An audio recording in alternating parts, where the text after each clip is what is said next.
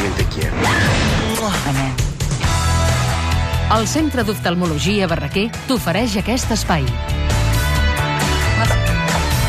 Per on comencem, doncs, avui? Home, comencem amb Hamlet, encara que posarem la música de Laurence Olivier, és a dir, de la pel·lícula de Laurence Olivier, apoteòsica. Oh, oh, oh, Eh, què és això, així una mica british i espectacular.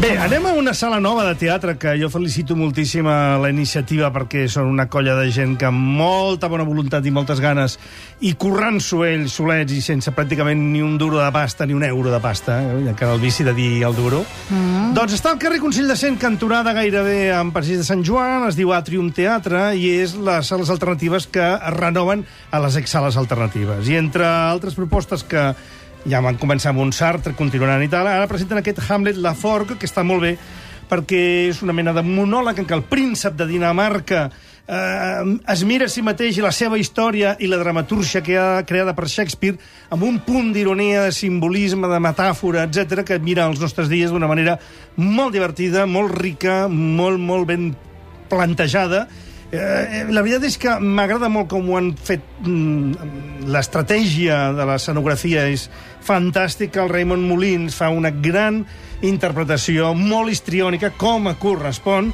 i el Jordi Prat eh, jo crec que ha entès molt bé, perquè l'autor va ser un tio del segle XIX que va morir als 27 anys, jove de la generació del Rimbaud, Baudelaire i companyia. Era molt hamletià, la Ford, Molt, molt, deuen, molt, ell molt, mateix, molt, no? molt, molt. I era un tio molt desconegut que gràcies a aquesta obra doncs, eh, ara arriba diguem, per fi a les nostres mans. Ja no no l'oblidarem mai més, definitivament, no? I a més és I per veritat, el que fa el Jordi Prat i Coll sempre són cosetes petites però molt cuidades. No, no, no, vull dir, realment desitjo que tinguin sort, que la gent els recolzi i tirin endavant, perquè així va començar el lliure, m'entens? O sigui, realment, ells han muntat el teatre, ells munten les obres, ells ho fan tot, però podia ser una cosa molt amateur i que li posen bona voluntat però no arriben, però jo em trobo un treball professional Molt i bé, eh? inspirat de debò. És dir, que felicitats a la sala de Triumph Perfecte. i a aquest Hamlet Laforgue. Fem pel·lícules? Fem pel·lis. Una mica.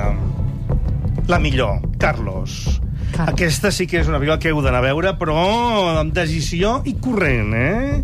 I corrent. I amb la perquè- la trauran si no perquè espavilem. pot ser que duri no, poc, pot ser que duri poc. No, no, no t'esveris, no, no t'esveris. És que, és que no, és que, clar, és una pel·lícula que dura dues hores i mitja passades, Sí. de fet molt retallada de l'original, que eren més de 5 hores, tal com la vam veure al Festival de Canes, provenia d'una sèrie de televisió, però Olivier Sayas, el seu director, va concebre ja aquesta versió de dues hores i mitja alhora que ja va escriure la completa. Per tant, no és una gran pel·lícula que han retallat i desfet, sinó que va pensar en dos projectes simultanis i, per tant, hi ha una concepció, hi ha una arquitectura dramatúrgica conservada. I ens explica la vida de Carlos, que era uh -huh. aquell terrorista internacional, recordeu, Chacal, etc, que va canviar les regles del joc de les relacions entre els exèrcits paranacionals, eh, el poder econòmic i, eh, i aquesta tercera guerra mundial que estem vivint als nostres dies i que una mica va començar precisament en aquell període. I la pel·lícula ho explica amb sentit de la informació, Sí. amb sentit de l'entreteniment i de l'espectacle i sobretot amb una capacitat d'expressió cinematogràfica boníssima. Per mi és eh, una de les millors pel·lícules de la temporada, indiscutiblement. Que les hem de veure amb bona vista. Sí. Sí. Sí. Barraquer, la teva visió és la nostra raó de ser. La retinopatia diabètica. La diabetis mellitus pot causar complicacions oculars greus. Una exploració clínica minuciosa, combinada amb proves diagnòstiques molt precises, permet decidir el tractament més adequat per cada cas. La prevenció i un rigorós seguiment de l'estat del pacient són determinants. Unitat de retinopatia diabètica. Centre d'oftalmologia Barraquer. www.barraquer.com Amb un diagnòstic precoç i som a temps. Chiquite madame de la dis-moi... I ara on anem? Anem a, a Cartes a Dios, que és la segona pel·lícula com a director d'Eric Emanuel Schmidt, el director de Petit, ai, l'autor de Petits crims conjugals i de Llibertí de fa algunes temporades, totes dues al Teatre Poliorama, i que ara també fa cinema. Després d'una Odette, Odette Tout le Monde, que va sorprendre tothom fa uns quants anys, torna a explicar la història d'una persona que supera a través de l'imaginari. Un nen malalt, eh, a més a més probablement condemnat a mort, una mena de pulsera vermella, per entendre'ns, que s'enfronta al fet desesperant que els seus pares no estan a l'alçada de les circumstàncies. I és una dona que té un problema psicològic greu i, a més a més, una falta d'afecte brutal, la que li dona raons de viure i fan un intercanvi meravellós.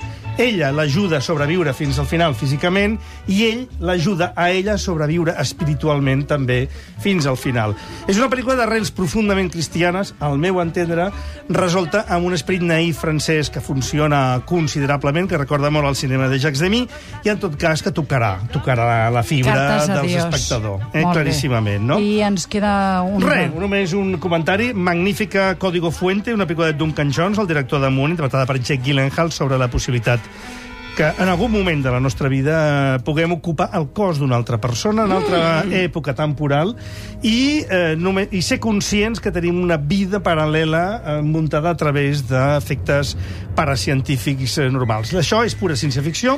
Està bé I per la peli. jo diria que la peli, la peli, la peli realment és... No, no, jo, jo a vegades penso que tinc gent al costat que ha estat ocupada. Té un ocupa a dins, no? A vegades m'ho fan pensar.